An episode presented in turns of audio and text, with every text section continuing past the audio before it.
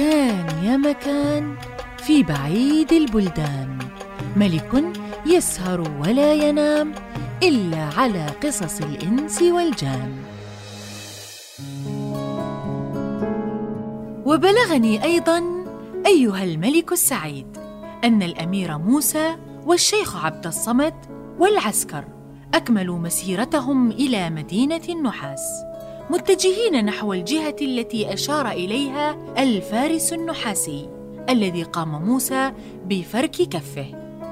فتوجه القوم وساروا فإذا هي طريق حقيقية فسلكوها. ولم يزالوا سائرين يومهم وليلتهم حتى قطعوا بلادا بعيده فبينما هم سائرون يوما من الأيام وإذا هم بعمود من الحجر الأسود وفيه شخص غائص في الأرض إلى ابطيه وله جناحان عظيمان وأربع أياد يدان منها كأيدي الآدميين ويدان كأيدي السباع فيهما مخالب وله شعر في رأسه كأنه أذناب الخيل وله عينان كأنهما جمرتان وله عين ثالثة في جبهته كحين فهد يلوح منها شرار النار وهو أحمر طويل وينادي. سبحان ربي حكم علي بهذا البلاء العظيم والعذاب الأليم إلى يوم القيامة. فلما عاينه القوم طارت عقولهم واندهشوا لما رأوا من صفته وولوا. فقال الأمير موسى للشيخ عبد الصمد ما هذا؟ لا أدري ما هو. أدن منه وابحث عن أمره فلعله يكشف عن أمره ولعلك تطلع على خبره. أصلح الله الأمير أنا نخاف منه. لا تخافوا فإنه مكفوف عنكم وعن غيركم بما هو فيه. فدنا منه الشيخ عبد الصمد وقال له أيها الشخص ما اسمك؟ وما شأنك؟ وما الذي جعلك في هذا المكان على هذه الصورة؟ أما أنا فإني عفريت من الجن واسمي داهش بن الأعمش وأنا مكفوف ها هنا بالعظمة محبوس بالقدرة معذب إلى ما شاء الله عز وجل. ما سبب سجنك في هذا العمود؟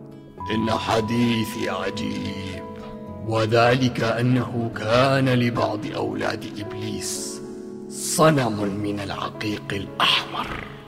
وكنت موكلا به. وكان يعبده ملك من ملوك البحر. جليل القدر. عظيم الخطر. يقود من عساكر الجان ألف ألف. يضربون بين يديه بالسيوف. ويجيبون دعوته في الشدائد. وكان الجان الذي يطيعونه تحت أمري وطاعتي. يتبعون قولي إذا أمرتهم وكانوا كلهم عصاة عن سليمان بن داود عليهما السلام. وكنت أدخل في جوف الصنم فآمرهم وأنهاهم.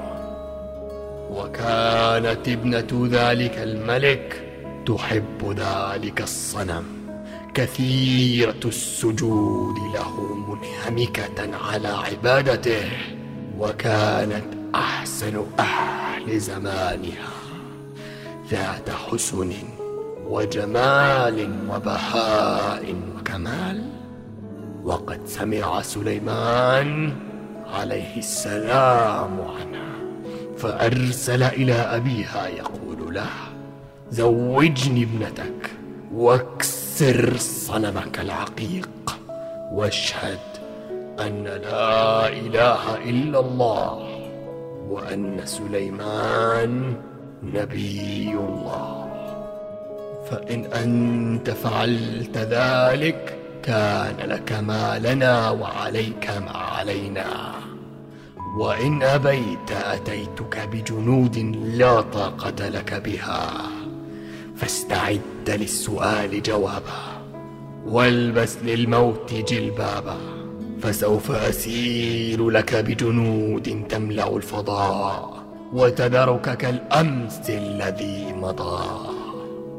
فلما جاءه رسول سليمان عليه السلام طغى الملك وتجبر وتعاظم في نفسه. ثم قال لوزرائه ماذا تقولون في أمر سليمان بن داود؟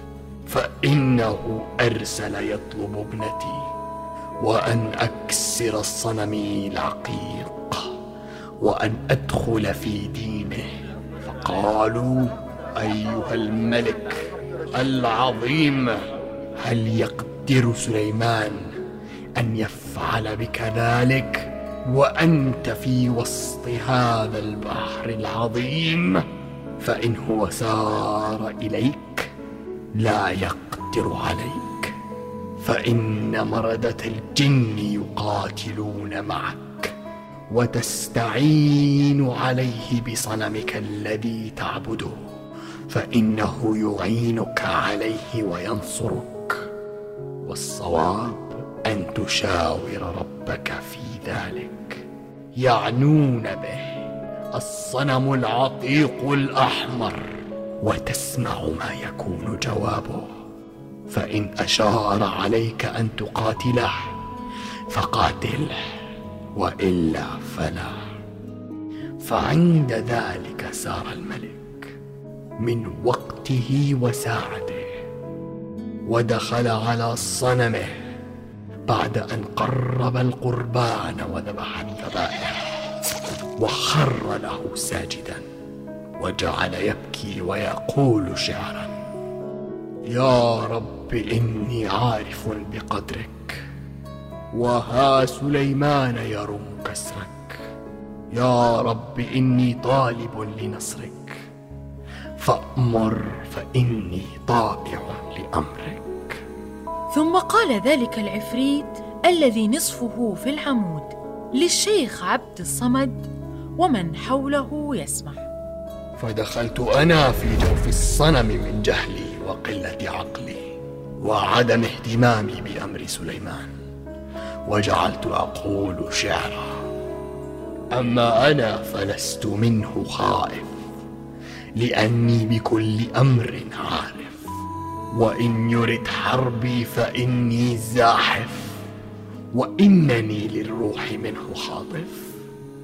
فلما سمع الملك جوابي له قوي قلبه وعزم على حرب سليمان نبي الله عليه السلام وعلى مقاتلته. فلما حضر رسول سليمان ضربه ضربا وجيعا. ورد عليه ردا شنيعا وأرسل يهدده ويقول له مع الرسول لقد حدثتك نفسك بالاماني أتتوعدني بزور الأقوال؟ فإما أن تسير إلي وإما أن أسير إليك.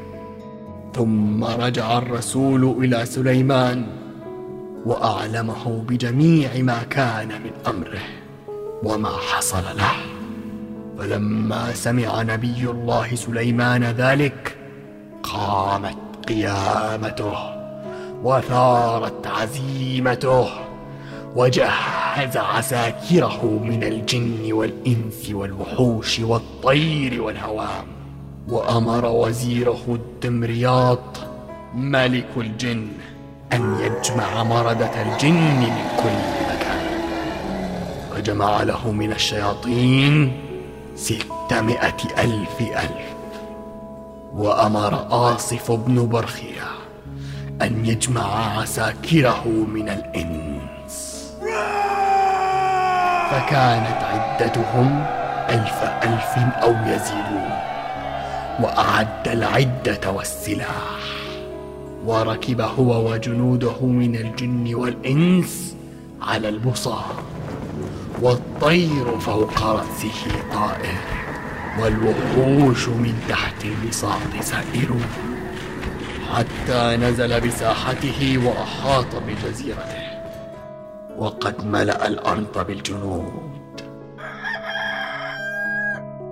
وأدرك شهرزاد الصباح فسكتت عن الكلام المباح.